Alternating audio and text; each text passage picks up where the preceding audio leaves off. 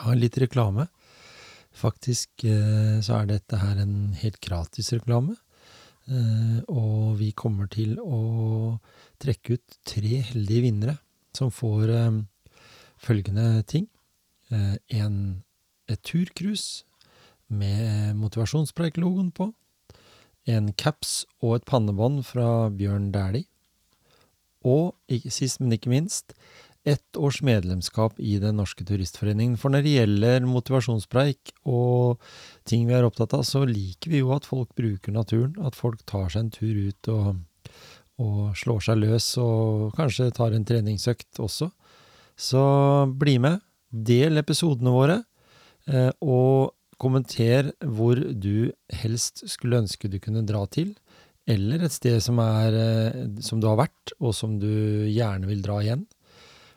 Kommenter det på Facebook-gruppa vår, Motivasjonspreik, og så deler du episodene våre, så er du med i trekninga.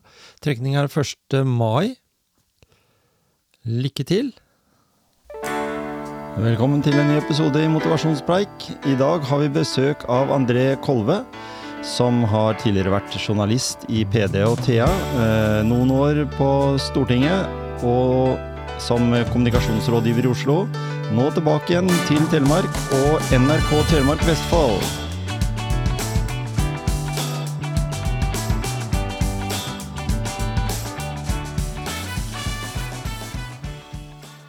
Det var veldig hyggelig, André, at du kunne komme til motivasjonspreik i dag. Ja, takk for at jeg fikk invitasjon og fikk mulighet til å komme. Det Ja. setter jeg stor pris på. Spennende det å få deg tilbake igjen i Vi, vi kan kalle det litt lokalt, selv om det er Vestfold og Telemark eh, NRK.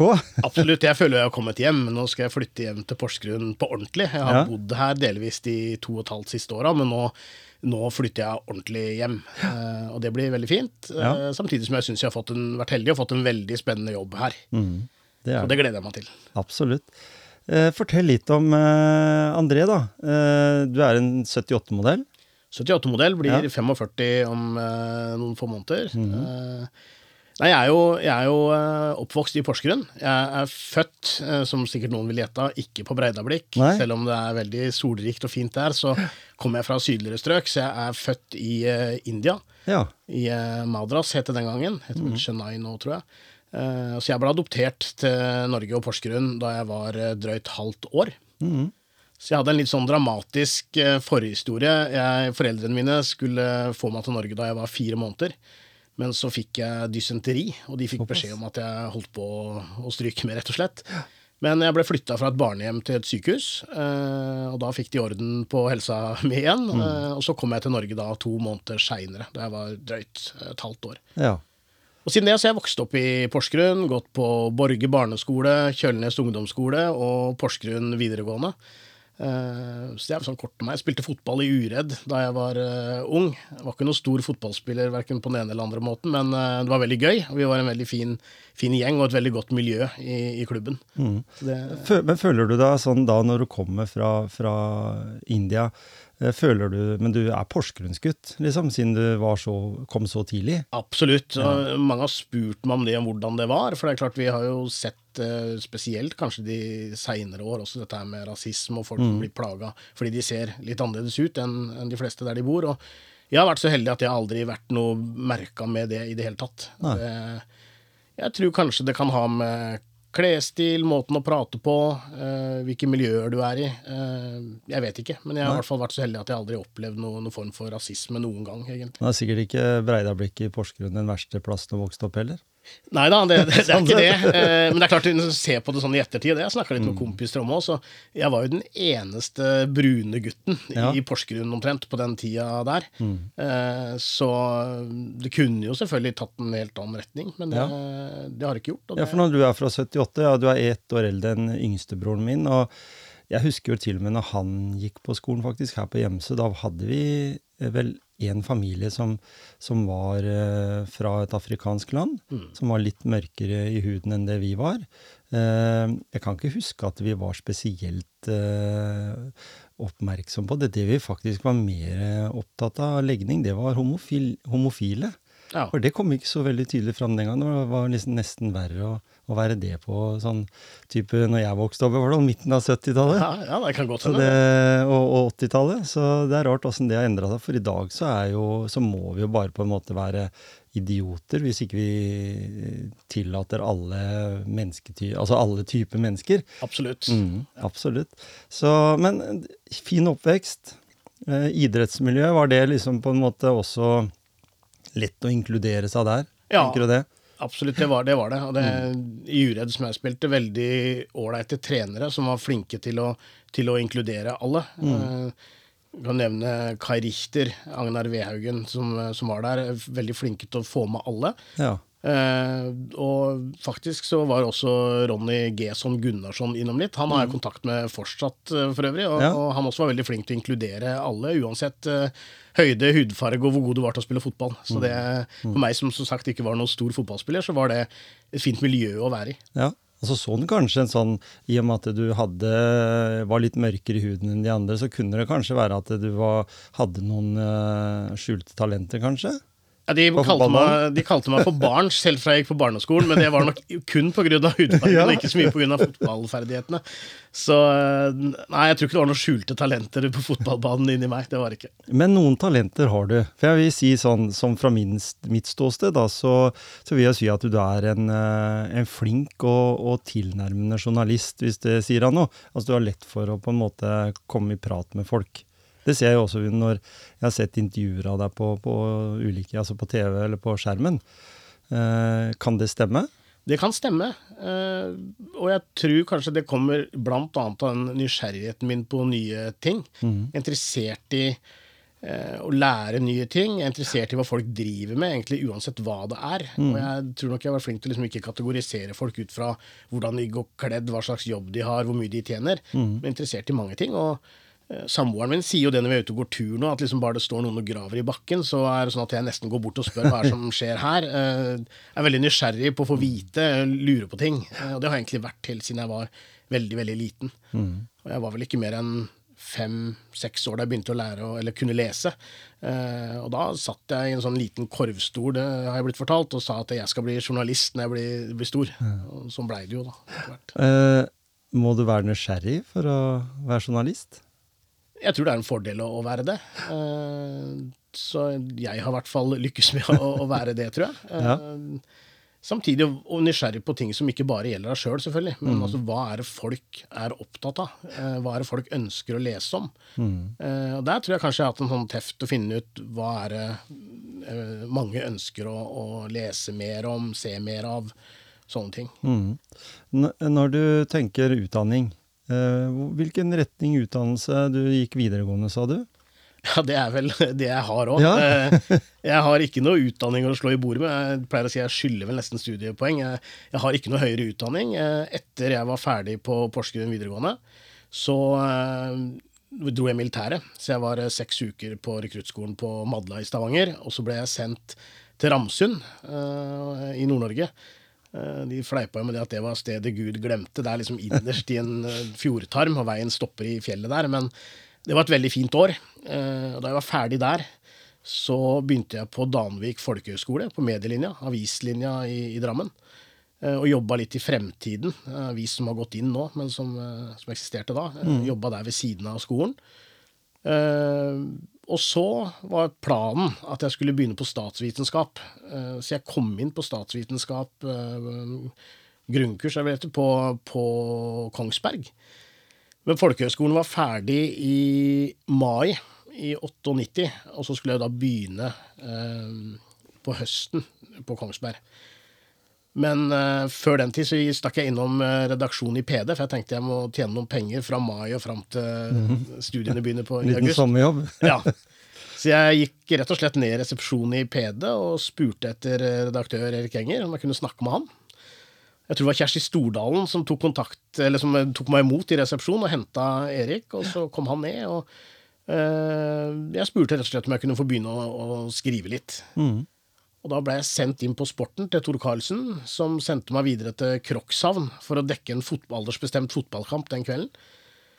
Og så ble det bare mer og mer, og jeg tror ikke jeg hadde jobba der mer enn i en to-tre måneder, så fikk jeg tilbud om fast jobb. Da ble det selvfølgelig en diskusjon hjemme med foreldrene mine, som mente at dette var helt håpløst å begynne å jobbe og ikke takke ja til den studieplassen. Men eh, jeg fikk lov i ett år, eh, for jeg sa jeg er såpass ung, sier jeg til mamma, at eh, jeg kan jo begynne på studiet neste år, bare få lov å jobbe i PD ett år, da. Jo, det var greit, men det ble jo eh, faktisk syv og et halvt år. Ja. ja. Ja, ikke sant? Vi har hatt med Erik her tidligere i podkasten, og alle de som vil eh, høre litt om hans eh, ferd, så er det bare å ta en eh, liten eh, gløtt inn på den. Det er en veldig, sikkert et, en person som har inspirert noe også, den veien han har gått opp. Han har jo gått fra lærer han, og til, til journalist, og blitt værende der i, i hele sin tid. Det var et veldig fint sted å begynne. Og Mm. da min, min, min drøm holdt jeg på å si, og ønske om å bli journalist, så var det et veldig fint sted å, å, å være. Og lære å jobbe mye, jobbe raskt, være grundig. Eh, og også lære om avis. Mm. Og den var jo da, når du begynte der, så var den avis motsatt av de som kom. Den kommer ut på ettermiddagene. Ja, da jeg begynte der, så var det deadline eh, rundt lunsjtid. Ja? Og så kom var avisa faktisk kom rykende varm fra trykkeriet i PD-huset, og så lå den i postkassa ved to-tre-tida. Ja, For der er jo Grenland, eller Telemark, det er vel en sånn litt spesiell situasjon med at vi egentlig har tre aviser. Mm. Hvis du tar med PD nå, selv om ikke den kommer ut så ofte nå lenger, så, så er det allikevel uh, Thea Varden som kjemper uh, sin kamp, og så har du PD som, som den lille, men allikevel betydningsfulle Porsgrunnsavisa. Ja da, og PD opplever jo også vekst. Og de leverer jo saker løpende på, på, i nettavisa si. Så Kanskje mer lokalstoff òg? Jeg er veldig glad i lokalt lokalstoff. Jeg er ikke sånn, ikke veldig nasjonalstoff. Eh, fordi du plutselig leser en lang artikkel om et eller annet, så sier Lillestrøm. Oi, det var jo ikke her, nei. Nei, ikke det er ikke her de bor. Nei, det, men det, det viser seg over hele landet, egentlig, at de Ja. avisene som leverer lokalstoff, klarer seg sånn jevnt over ganske bra. For det er det folk ønsker å lese om. Mm. Det er Det det, er jo årsaken til at eh, Thea har vokst veldig mye også, og passerte jo eh, Varden. Mm. Nå så vi jo på de siste opplagstallene at Varden har fått eh, en liten eh, eh, peak oppover igjen, de også. Ja. Så, så det er moro, det. Og jeg tror eh, de avisene gjør det så bra også fordi de er i konkurranse hver eneste dag. Mm. Det er det, kjemper om å lage de beste En sakene. det. Og nå skal du eh, ut og snurre film, du òg. Du skal ut på veien og, og lage reportasjer for eh, NRK. Det blir kjempespennende, fordi det er klart at eh, eh, akkurat den lokalkontorsaken som NRK har, for å, for å få tak i de Det må jo være litt for å få tak i liksom de eh, gode, ordentlige, viktige nyhetene. fordi hvis du hele tida skulle sendt et team ut fra Oslo, så ville du jo gått glipp av veldig mye. Ja, det blir jo litt sånn som noen sier om politiet, det. At det er viktig å ha politifolk Mm. lokalt som kjenner eh, lokalmiljøet. Ja. Eh, og det tror jeg også gjelder med journalistikken. Å ha folk som kjenner både menneskene, hvordan ting fungerer lokalt. Mm. Eh, det er klart, jeg, jeg, etter å ha vært journalist her i eh, tolv år eh, før jeg begynte å jobbe med politikk i Oslo, så kjenner jeg jo fortsatt veldig mange mennesker i Grenland, Telemark. Eh, og jeg har også gjennom jobben eh, i politikk og, og PR-byrå blitt kjent med en del folk fra Vestfold. Eh, så det er jo sånn at en skal ikke bare lage saker fra Porsgrunn, en skal lage saker fra, fra hele eh, storfylket, altså Vestfold eh, og Telemark. ja. Som folk vi da splitte opp igjen, men som allikevel innenfor både innenfor eh, NRK eller innenfor journalistikk og andre ting, så er det jo veldig kort avstand, da. Ja. Så det er interessante ting som skjer i Larvik, Sandefjord og Tønsberg, Horten for oss òg. Mm. Eh, kortere vei dit, vet du, enn der eh, øvre Telemark og Haukeli. Ja, det, det er det. Hvis du sammenligner sånn i i avstand. Men du sa til meg her tidligere, du satt eh, på jobb eh, og fikk en telefon som du syntes det var litt eh, Som du måtte tygge litt på. Et jobbtilbud, faktisk. Ja, nå skal du tilbake til da jeg var i Thea. Ja. Eh, ja, nei, jeg satt, jeg jobba som vaktsjef også i, i Thea eh, et par år. Og, og satt der på desken, og så ringer mobiltelefonen min, og så tar jeg den. Og, og da er det kommunikasjonssjefen i Fremskrittspartiet som ringer. Og jeg var jo helt sikker på at når de ringer fra, fra stortingsgruppa til Frp, da er det et eller annet vi har publisert som, som det er noe gærent med, eller noen reagerer på. Eh, så jeg tenkte nå er det noen i Frp som er sure på et eller annet Thea har, har eh, publisert. Det var min første tanke. Eh, så jeg ba om å, å få ringe tilbake igjen, rett og slett. Så sjekka jeg litt hva vi hadde hatt på trykk de siste dagene. Fant egentlig ikke noe der som jeg tenkte at de kunne reagere på sentralt. Så jeg, jeg ringte opp igjen til kommunikasjonssjefen, og da fikk jeg tilbud om å, eller en invitasjon til en lunsj. Så jeg dro inn til Oslo og møtte han, Fredrik Ferber.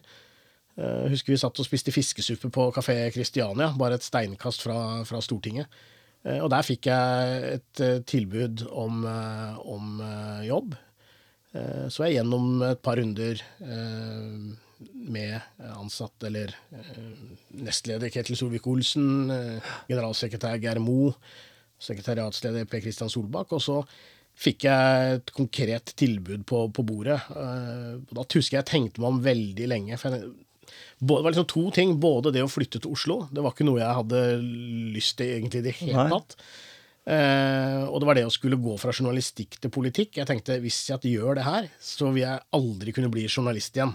eh, så fikk jeg liksom snakka med noen som jo, det kan være mulig eh, etter noen år, det, altså. Så hadde jeg noen kamerat barndomskompiser fra Porsgrunn som masa veldig, om, som bodde i Oslo da.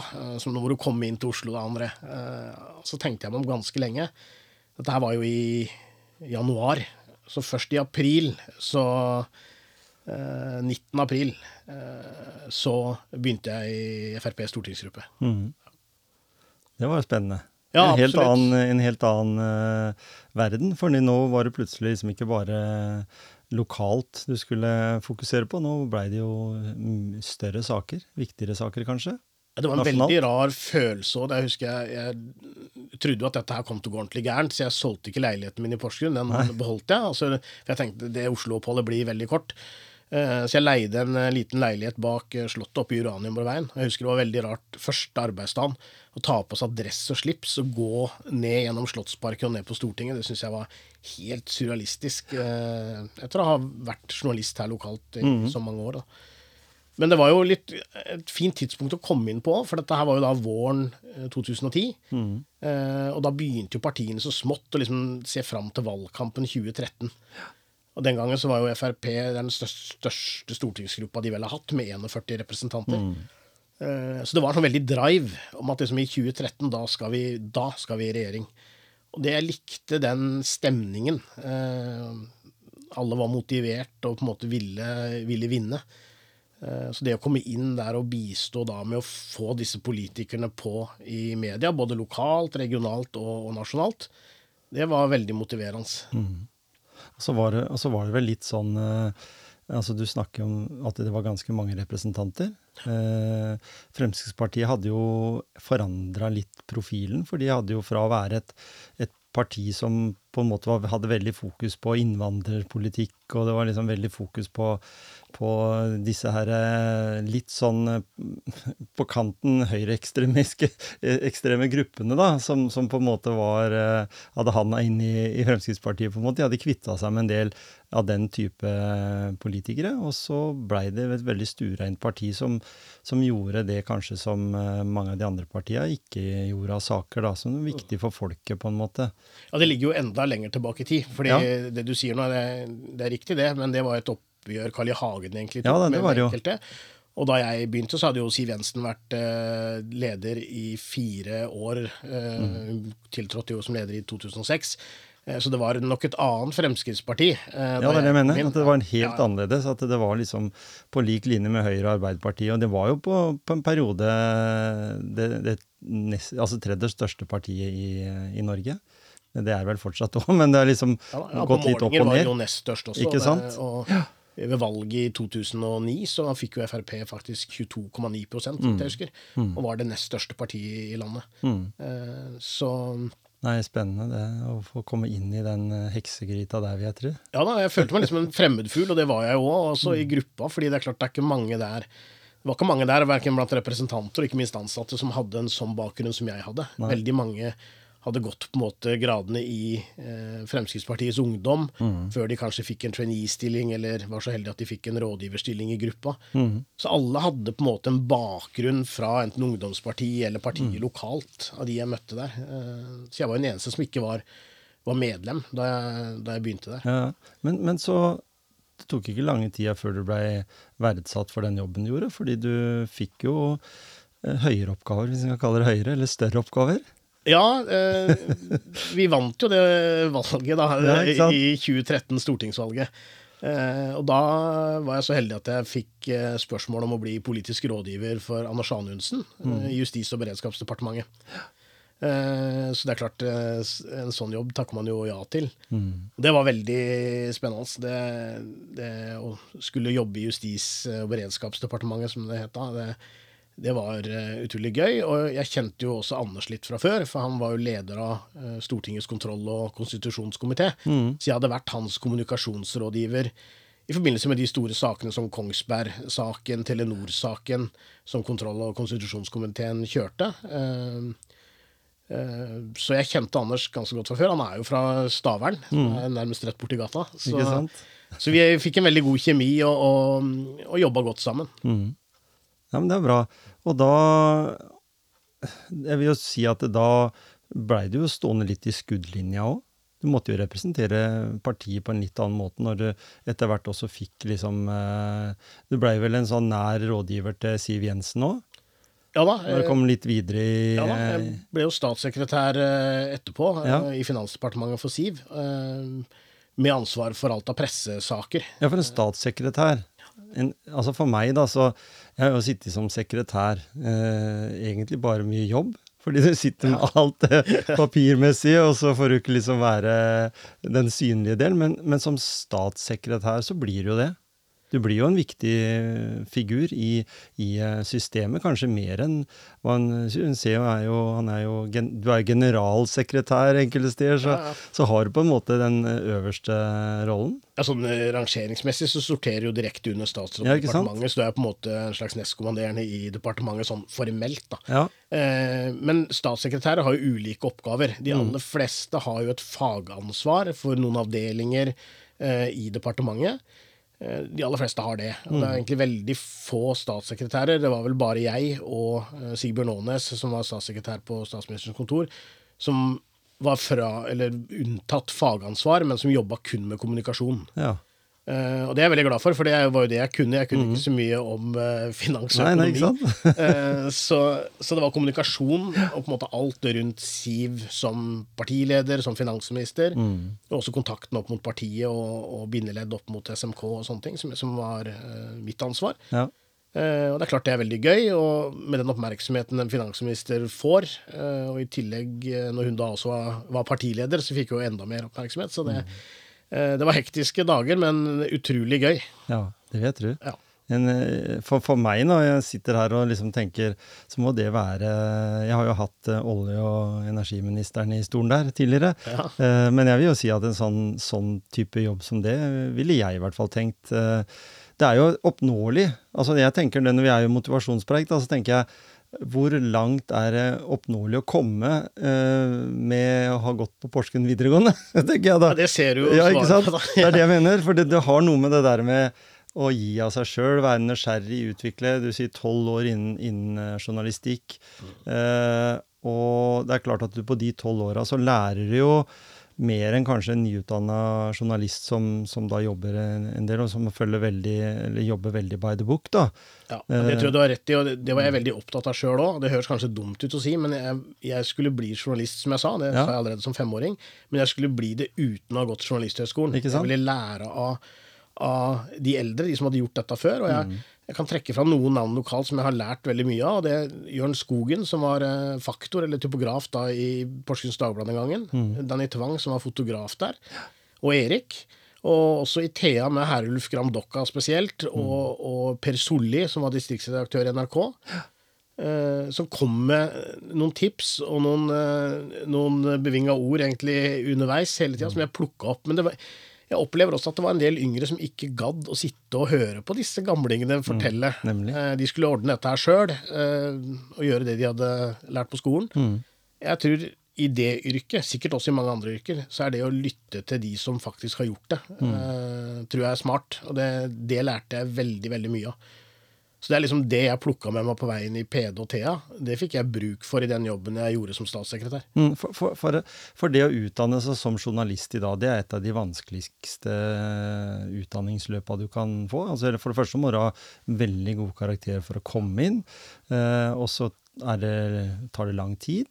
Eh, så mange går glipp av enormt mye de kunne jeg, jeg pleier å si erfaringsbasert kunnskap. Ja. Det er undervurdert i mange tilfeller, men det er utrolig viktig. For det er som du sier, du lærte av de som kunne dette her, og som, som kanskje var de flinkeste og de beste på, på det området. Mm. Ikke nødvendigvis den læreboka som, som du på en måte måtte gå gjennom. Selv om du har sikkert tilegna deg litt eh, kompetanse og lesta opp litt også underveis. fordi du er, du er sikkert ikke bare opptatt av alt annet enn en, en, en god bok òg. Ja da, nei, det er, en, må jo, en må jo følge med i tiden så godt en kan. Eh, men det er noen av de grunnleggende prinsippene, Mm. liksom. Og det, eh, mora mi var, var typograf, uh, jobba jo sammen med eh, Ove Meldingen, som er redaktør i Thea nå. Mm. Eh, så jeg lærte jo litt av hun, men jeg lærte også mye av Ove. Og det er klart den der interessen for faget, selv om typografi er noe helt annet enn å være journalist, så var liksom det å være interessert i avis, eh, å plukke opp det folk som er godt voksne, har jobba med det kanskje i 30-40 år, sitte og høre på de. Eh, Det var stor nytte. Ja. Og Per Solli, husker jeg, eh, sier til meg en gang eh, Husk på den eh, undersøkende journalistikken. Og lærte meg hvordan sjekke ut postlister, hvordan få innsyn i saker i, i kommunen. Det er klart det var veldig nyttig. Mm. Og mange, så, mange sånne ting som blir glemt. Og når, når en tenker nå på hvilken vei mange kan gå da, for å komme inn og bli journalist eller programleder, da, for som liksom en, har jo alltid vært sånn programledere måtte også ha bakgrunn som journalist, men nå kan det jo være en, eh, ha en suksess på enten eh, som influenser eller YouTuber, og så, og så få tilbud om en programlederjobb, og så ser du at ja, søren, han var jo ikke så gærent heller foran kamera, han var jo flink. Ja. Så, så, så, så dyrker de det den veien også. Så det, det viser jo bare at eh, er du nysgjerrig, du er eh, gira på dette her, det skal jeg få til. liksom Ha en sånn liten sånn stayer i det, for det, det er jo kanskje viktig å, å ha i alle yrker, men kanskje spesielt innen journalistikk og, Ja. og, og, og også politikk. For jeg, jeg føler jo at de går litt sånn i hverandre i forhold til det at eh, politikken Hvis ikke du er nysgjerrig på hva de andre sier om ting, så kan du heller ikke bygge videre på å gjøre din egen oppgave bedre, da. Nei, du må være flink til å lytte og til å fange opp ting. Altså det som skjer. Og jeg tror Jeg sier jo ikke overhodet ikke at utdanning er dumt, eller at det ikke lønner seg å studere. Det gjør det absolutt. Og jeg tror ikke jeg kunne gjort det jeg har gjort, om igjen, hvis jeg uten noen papirer. Det tror jeg ville vært veldig vanskelig. Men jeg tror likevel det i større grad bør være mulighet for å slippe til folk som har et talent for noe, som brenner for noe, uten at de nødvendigvis har de riktige karakterene eller papirene. Eh, det ser vi jo nå. Det er mange det som tar kontakt, eh, også med meg, og lurer på ja, du har jo lykkes med sånn og sånn. eh, hva slags utdanning har du? Og mange tror at jeg har kjempegode karakterer og har studert i mange, mange år. eh, siden jeg har fått til det jeg har gjort. eh, og blir litt overraska. men dessverre så er det jo sånn at det er ikke så lett nå å få noe jobb uten å ha noen papirer å vise til. Nei, ikke sant? Eh, Og jeg tror også det er litt, eh, litt sånn at mange kanskje som ønsker å gå yrkesfag, eh, de går i stedet på allmenn fordi noen kompiser og venninner går der. Og så blir de ubevisst kanskje dratt med på noe de egentlig ikke hadde lyst til. Så jeg tenker liksom hvis du har lyst til å bli snekker eller rørlegger, da, og føler at det er noe du liker og kan tenke deg å gjøre, og det er ting du liker å gjøre, så, så gjør det, da, i stedet for å velge noe annet eh, bare fordi noen andre mener at du skal gjøre det, eller kanskje det, det høres mye kulere ut å si at du går på den og den skolen. Det, Og det klinger litt i mine motivasjonsører, da, hvis jeg skal si det på den måten. Fordi eh, jeg tenker også det at hvis systemene i Norge eh, Eller det, det er ikke bare i Norge, men du er jo i Norge som er nærmest oss. Eh, så tenker jeg at eh, eh, ulike utdanningsløp burde vært eh, oppbygd ut ifra 2023 og ikke 1950. mm, For skolen i dag er jo basert på tid og karakterer. Kanskje de to minst viktige tingene ut ifra hvem som skal bli hva, tenker jeg.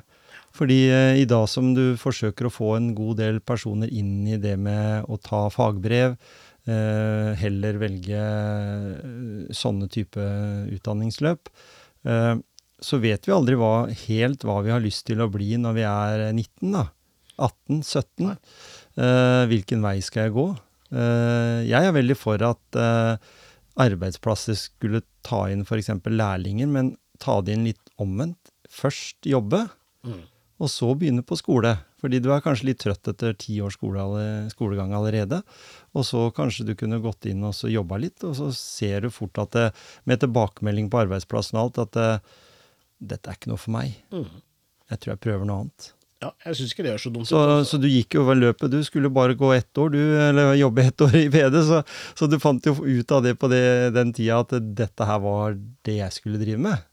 Absolutt. Det, det, At flere burde få den opplevelsen. Ja, jeg fikk jo på en måte bekreftelsen, da. Ja. Fordi jeg trodde jo det hele tida at det var journalist jeg skulle være. Og, Mm. eh, og følte meg ganske trygg på at det skulle gå bra. Men det er klart, etter det første året i PD hvor liksom jeg fikk tilbakemelding på at jo da, dette Mm. funker ganske bra, det. eh, Så var jeg enda mer sikker, selvfølgelig, på Ja, at jeg hadde valgt, eh, valgt rett. Ja. Så, men det holder jo ikke i dag med liksom, du får Ja, jeg skal bli influenser, ja. Hvilken skole skal jeg gå på? Ja, det, det skal Ikke ikke, jeg komme med noe råd om. altså. Nei, ikke sant? Men du har jo den generasjonen der som er veldig på at det der, der ser jeg mye penger å, å hente. Men, men hvis du spør de som er såkalt influensere i dag, da, eh, eller påvirkere, som jeg syns er et bedre ord, Ja. Eh, så har de jobba ganske hardt, altså. Det er jo liksom, det ser du jo veldig lite av. Du ser liksom bare den derre glorien av, av hvor flott det der er. Men eh, hvis du spør de fleste, så sier de at de har ofra mye Mm. for å komme dit de er i dag, de også. Så det er ikke noe easy way til noen ting, egentlig. Det tror jeg gjelder egentlig veldig mye, og egentlig mest. At en må stå på og jobbe og Mm. Ja. gjøre en innsats hvis en skal nå uh, måla sine. Mm. Vi snakker jo om sånn, eh, vi har vært inne litt på det, du nevnte noen personer som hadde inspirert deg. Eh, Men kan du si litt om hva som motiverte deg til å gjøre de valga du eh, har gjort? Altså sånn underveis? Ja, altså Hvis vi begynner med det første av det å bli journalist, det, Mm. det var det vel ikke noen mennesker som motiverte meg til å begynne med. Nei. Det var noe jeg liksom hadde bestemt meg for sjøl. At jeg, jeg følte at jeg var rimelig flink til å skrive. Jeg likte å skrive stil på barneskolen. Eh, mange av de stilene ble lest høyt også i klassen, fordi jeg, var, jeg følte at jeg var ganske flink til å skrive. Og jeg var nysgjerrig. Jeg tror de som kjenner meg, kanskje også nå, men mest som liten Jeg gikk rundt og stilte spørsmål om alt mulig hele tida. Eh, Det var litt sånn, Jeg husker farmor sa en gang at dette er en hvitebegjærlig ung mann. Ja. Jeg, jeg gikk og spurte, stilte spørsmål om absolutt alt hele tida. Var litt masete, egentlig. Eh, Så akkurat det å bli journalist, det var på en måte noe jeg hadde bestemt meg for. Men så var det jo dette her med, med politikken. Og jeg hadde det ikke vært for at den telefonen fra Frp kom, så hadde jeg sikkert vært i TA fortsatt. Eh, Jeg skulle ikke noe annet sted. Jeg var kjempefornøyd. Jeg var avdelingsleder på Porsgrunnskontoret, jeg fikk være vaktsjef, jeg fungerte litt som nyhetsleder, og syntes egentlig verden var eh, kjempefin. Eh, Men det er klart jeg måtte ta et valg når den telefonen fra Frp kom. Og det var jeg som sagt veldig usikker på, men det som trakk, var jo det å kunne bidra til å få saker opp nasjonalt. Det å kunne fòre journalistene, lage de vinklingene, eh, bruke min journalistiske teft da, til å få på politiske saker eh, nasjonalt. Det var vel egentlig det som var min motivasjon. Og så er det klart det at jeg ville ha et nettverk rundt meg med kamerater fra Porsgrunn som bodde i Oslo. Det gjorde at det var litt tryggere å flytte dit, at jeg kjente en tre-fire stykker som allerede var der. Så jeg ville ikke bli aleine.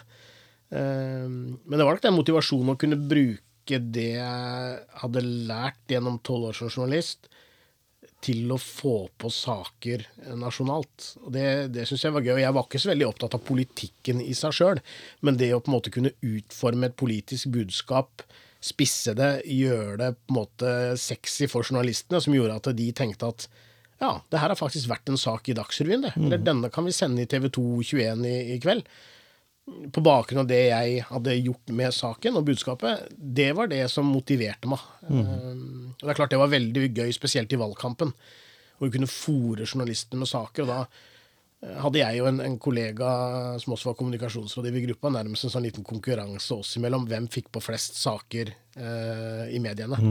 Den ene dagen var det han, den andre dagen var det meg. Og det var en godmodig konkurranse. Eh, vi gikk ut og tok en øl etterpå uansett hvem det var som hadde vunnet, men det var en sånn drive. Eh, så jeg er nok litt sånn konkurransemenneske òg. Det å se resultater Så jeg er veldig utålmodig. Så det, er liksom det å se resultater kjapt av det du driver med, mm. er nok noe som, som har vært en sånn motivasjon for meg. da. Ikke sant? Vi har jo hoppa litt, men jeg tenkte når du er først er inne på det politiske spillet, da, så syns jo jeg det er kjempeinteressant. Eh, hvem har ikke sett på Borgen eller sånne type serier om, om, den maktkampen som er ned på nivå med der du var? Eh, jeg, du kan sikkert ikke si alt, men, men, var det litt sånn? Altså Var det litt sånn uh, ja. uh, hestehandler og det var Absolutt. altså sånn At du på en måte blei satt midt oppi noe som du tenkte at uh, når du kom hjem fra, fra jobb den dagen, at du hadde litt sånn bad feeling? Ja, det har skjedd. og det gjelder selvfølgelig det er liksom, liksom todelt. Det gjelder, også, det gjelder bl.a. politiske saker. Da, hvordan mm. de skal voteres over i Stortinget. Altså hvordan sikre flertall for saken. Ja. Det er jo én måte å se det på. Det, en annen ting er jo det, pers, det personlige, altså med, med, valg av politikere. Mm. Nominasjonsprosesser i fylker, i kommuner, sånne type ting. Som også er et spill mange ganger. Mm. Eh, hvor folk nærmest går over lik for at de skal stå eller få den plassen på lista mm. de ønska seg. Eh, det, er, det, kan være litt sånn skremmende å se. Det er egentlig også folk som egentlig er gode venner i utgangspunktet. Mm. Etter en nominasjonsprosess så er de liksom bitre fiender. Fordi de bygger allianser på hver sin side og sånne ting. Eh, men nå har aldri jeg vært folkevalgt, så jeg har Neida, vært med. Men, og sånt, men jeg har jo observert det. Du ser det jo, at ja. Eh, det skjer. Og så tenker jeg at eh, du har en maktkamp der egentlig det å være en politisk uh, hakke Altså, du, du, blir jo hakka på av veldig mange. Mm. Uh, og da må du på en måte være hardhuda, da. Du ser Trond Giske som et eksempel. Han må jo være litt hardhuda òg, når, når, han på en måte har, brenner så sinnssykt for en sak at han er villig til å på en måte komme ut i, i søkelyset igjen. Eh, og er en populær mann, det er ikke noe å si på det. Han har sikkert noen egenskaper som, som er bra for, for det, de menneskene han påvirker. Men allikevel, det er mange av de politikerne som forsvinner på veien, og mange av de er kanskje veldig flinke og ålreite folk òg. Ja, jeg synes Uansett hva man kan mene om det han har gjort og ikke gjort, og alt det der, men at det er jeg imponert over. Uh, den stayerevnen og mm. viljen til å måtte ikke gi seg. Ja. Han har jo lykkes delvis også uh, foreløpig med sant? det comebacket sitt. Men jeg tror det er liksom Én ting er liksom den kjempinga, knivinga mellom partier, mm. eh, som selvfølgelig kan være krass og, og spiss mange ganger, men mm. internt i partiene så er det minst like tøft, altså. Ja, ikke sant? Det ser vi jo på enkelte som har blitt borte fra, fra, politikken på ganske kort tid, fordi de føler at det, dette her gidder jeg ikke å kjempe mot. Ja, det har vært tilfeller også her lokalt den siste mm. tida også, med, mm. med, den type ting. Og jeg tror, i hvert fall min observasjon etter å ha vært i politikken i seks år, så eh, den knivinga mellom partier I Norge så er det stort sett godt vennskap mellom politikere fra ulike partier. Mm. Eh, hvert fall, eh, altså, Det tror jeg er både lokalt og nasjonalt. Ja. Men min observasjon er at det er faktisk verre internt i partier mm. enn det er mellom ja, ja. Uh, politikere fra ulike partier.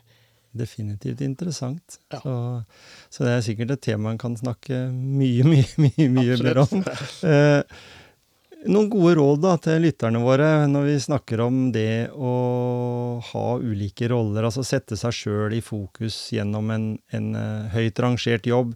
Jeg tenker jo det at uh, når du møter de akademiske miljøene, da, uh, så tenker jeg at du er avslappa nok til å, og trygg på egen kompetanse til å si det at du har, ikke har høyere utdanning på den måten. Eh, men mange ganger så blir man jo sett på som at en må ha den høyere utdanninga for å si ja til en forespørsel om en, mm. om en jobb i En direktørjobb, f.eks. En ser at det, eh, en blir spurt om en lederstilling, og så tenker man sjøl at en prater seg sjøl litt ned, at dette der er ikke jeg god nok for. Men det er jo ofte en grunn til at en blir spurt. Absolutt. og Jeg tror ikke du får en sånn forespørsel hvis ikke noen har observert at Nei, du har talent eller kunnskap, kompetanse mm. rundt noe. Og det bør jo ikke være kompetanse og kunnskap i form av karakterer eller noen papirer. Det kan være sånn som du er som person ja, det er det. også. Uh, så nå har jeg, Du ber meg komme med noen råd. Nå har jeg akkurat slutta som rådgiver, det var for å slippe å gi råd. Uh, men, uh, men uh, nei, jeg har ikke noen Du har et par gode på lager, da. Ja, jeg, jeg, tror det, det, viktigste egentlig, uansett, det er å være seg sjøl. Mm. Og være ærlig og redelig med folk. det tror jeg jeg tjente på både som journalist og også da jeg var i politikken opp mot journalister. For det nytter mm. ikke å lure noen. For det, det slår tilbake på deg sjøl. Og det å også komme med Nå tror jeg jo at jeg har vært ganske flink til å gjøre det jeg skulle gjøre i de jobbene, men så er det masse annet jeg ikke kan noen ting om. Så jeg tror det å drive og skryte på seg at en kan mer enn det en faktisk kan, mm. det er skummelt. Eh, så jeg føler meg veldig hjemme på hjemmebane når det gjelder journalistikk, kommunikasjon, eh, den type ting. Og så er det mange andre ting jeg ikke kan. Eh, og det å Nå jobber man jo veldig ofte i team eh, på ulike arbeidsplasser, enten det er journalistikk, eh, eh, kommunikasjon, andre ting. Så jeg tror det er viktig også, liksom, hvis du finner den tingen du er trygg på og mestrer, at det er ditt bord, og så finner du noen andre som kan gjøre det du ikke er så flink på. Og være mm. ærlig og si at akkurat det der, det kan ikke jeg så veldig mye om. Sorry, men det, det kan ikke jeg gjøre. Så jeg tror det å ta på seg en rolle at man kan så mye mer enn det man egentlig kan, det, det er skummelt. Mm. Men å behandle folk skikkelig. Og det er liksom øh, Noen er sånn at altså, okay, det, det er f.eks. en rusmisbruker i en park, eller en person som øh, ikke har jobb, eller det er en person som ikke har noe særlig inntekt. Da må han eller hun behandles på én måte, mens hvis vi skal snakke med en bankdirektør, da opptrer vi på en annen måte. Jeg tror det å oppføre seg akkurat som man er, uansett hvem den som sitter på andre sida av bordet, mm. er, Eh, det er kanskje det beste rådet jeg har. Mm. Det, er, det, er, viktig. Mm. Hva gjør du når du lader? Hva gjør du når ikke du tenker eh, på noe, på en måte sånn Da skal du ha litt fri. Hva, hva gjør du da? Jeg er glad i å reise, eh, og jeg er glad i å Vi har ei bikkje eh, som jeg har blitt veldig, veldig glad i. Ja. Eh, så gå tur med, med den. Snakke med folk jeg møter langs veien. Mm. Da lader jeg. Og så var det også sånn jeg begynte å Da jeg var syv år, så begynte jeg å spille piano. Det var litt sånn mer eller mindre under tvang, men jeg gikk og spilte fram til jeg var 16 år. Mm. jeg skal holde på det Da kan du jo spille da? Jeg kan spille litt. Men så, det, så, ble det lagt bort. Men det er noe jeg har tatt opp igjen litt nå. Jeg var faktisk i Eh, forrige helg eh, i en musikkbutikk i Oslo og kikka på et uh, nytt elpiano. Ja. Jeg har jo selvfølgelig alltid vært veldig skeptisk til elpiano, for det er ikke ordentlig piano. Men nei, nei. jeg ser det nå, at det er faktisk vel så bra ja. som vanlig piano. Så jeg uh, skal ikke se bort ifra at jeg kjøper meg et piano uh, om litt. Og det er også en måte å slappe av og koble ut helt for meg. Mm. Og sitte for meg sjøl aleine og holde på med det. Da, da lader jeg. Og når, du, og når, du, kan spille, da, så kan du også spille for andre. Spille for publikum òg. Ja, det vet ikke om jeg slapper så mye av da. Eh, men det å holde på med det aleine, det, det, er bra. Ikke sant? Og så koser jeg meg også når jeg sitter og kan være helt aleine og se på dokumentarer, spesielt fra andre verdenskrig. Mm. Da slapper jeg veldig av. Ja. Ja, Du sa til meg her at du var opptatt av lokalhistorie. Det, det er jo kjempe Ikke et veldig stort tema, men i hvert fall sånn, sånn betydningsfullt tema. For, for, vi bor jo i en region som, som, har på en måte blitt bygd opp gjennom eh, ja, fra vikingtida og fram til da av beliggenhet. Mm.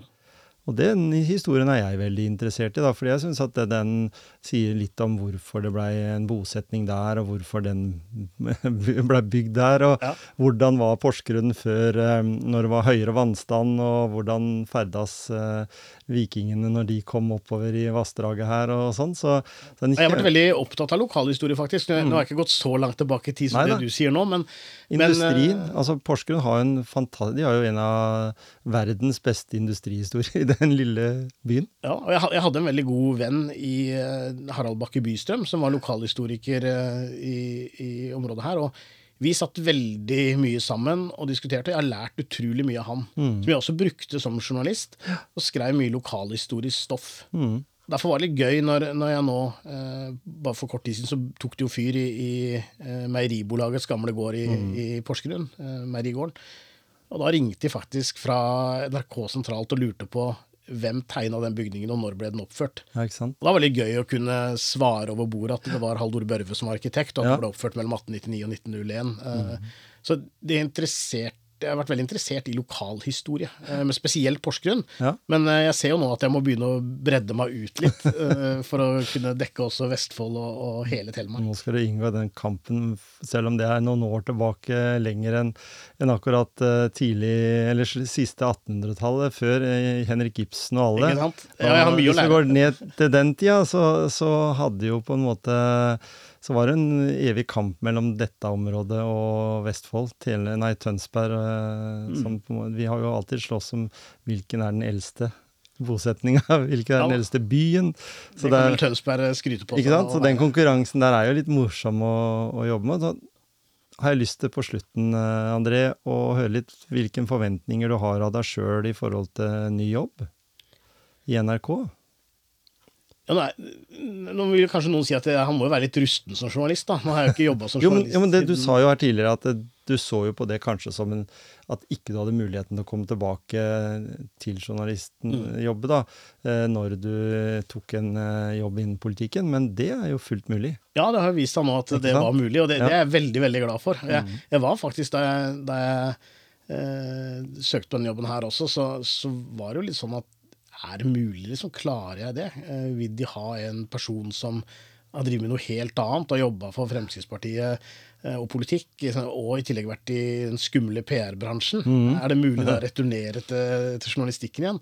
Så jeg er veldig glad for at det faktisk har vist seg å være mulig. Og det, mm. Jeg har sagt i noen intervjuer også at det har vært alltid en drøm for meg å komme tilbake igjen mm. som journalist i Telemark. Uh, og det mener jeg. Uh, så det har, det har, alltid vært en plan om å gjøre det. Uh, og så ble det nå, mm. da denne muligheten dukka opp. så jeg tror det blir veldig bra, ja. Og, og, det virker jo nesten som at det er en liten sånn, en sånn generasjonsskifte òg? For det er en del ja. på din alder, også litt, også litt yngre journalister som, som begynner å, å, jobbe der. Og det er ikke for at ikke de har gjort noe god jobb, de som har vært med der før. For veldig mange av de eh, som har vært med også her i Telemark og, og Vestfold, de er jo anerkjent på, på nivå nasjonalt også, mm. eh, og hatt jobber der òg. Så det er jo noen grader en, en går i, i NRK-systemet, siden NRK er på en måte en eh, en så stor arbeidsgiver. Da. Det er jo liksom den kanskje mest betydningsfulle TV-kanalen, selv, de på selv om de på VGTV ville si noe annet. Ja, jeg er veldig enig med deg, jeg, da. ja, ikke jeg? Ikke sant? Nei, det er, det, men det er et generasjonsskifte, og det er også ikke fordi NRK er noe dårlig arbeidsplass at de har bytta jobb. Nei, de har rett og slett oppnådd eh, aldersgrensen og gått med pensjon. Mm. Så det er litt morsomt å tenke på at Anne Longenvik, eksempel, som har vært en profilert eh, reporter eh, i NRK i mange, mange år, mm som intervjua meg ute på det som het Nebbstranda i Bæsjbygda. Da var jeg fem år og hadde mista en sånn liten seilbåt. Og hun bodde ikke så langt unna oss på Breidablikk, hvor jeg vokste opp. Og nå har hun gått inn i pensjonistenes rekker, og jeg begynner i, i NRK ja, Vestfold og Telemark. og det eh, det er litt artig å tenke på. Og du kan jo fortsatt med også andre personer også som, som har gjort en sinnssykt bra jobb for, for NRK. da.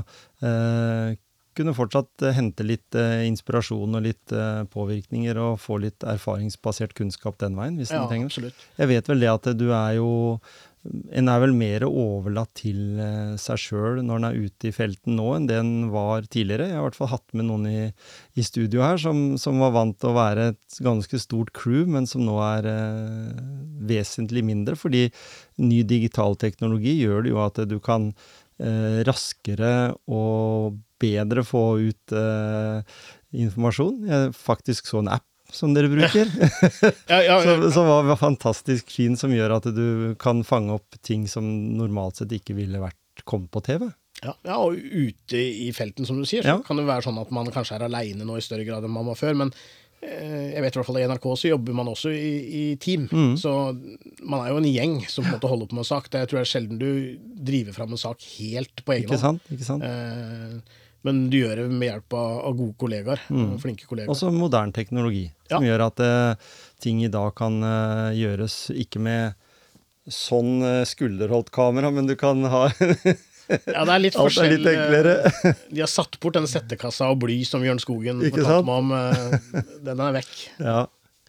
Nei, men Veldig bra, André. Jeg er kjempefornøyd med at du har vært med i Motivasjonspreik, og håper jeg at noen av lytterne våre der ute, de yngre som står på trappene til å gjøre valg i livet, også kan eh, se litt i retning av det du har prata om her. At det er mulig å, å, bidra med ting, enten det er innen politikken eller innen eh, PR og, og rådgivningsbransjen, eller om du vil eh, prøve deg litt som journalist. Mm, det er ja, det... fortsatt sikkert mulig å søke om sommerjobb både i Radio Grenland, TEA, Varden og PD. Helt sikkert. Og det anbefaler jeg Ikke sant? Der begynte jo du. Tusen takk for at du ble med. Takk for at jeg fikk være med. Veldig hyggelig.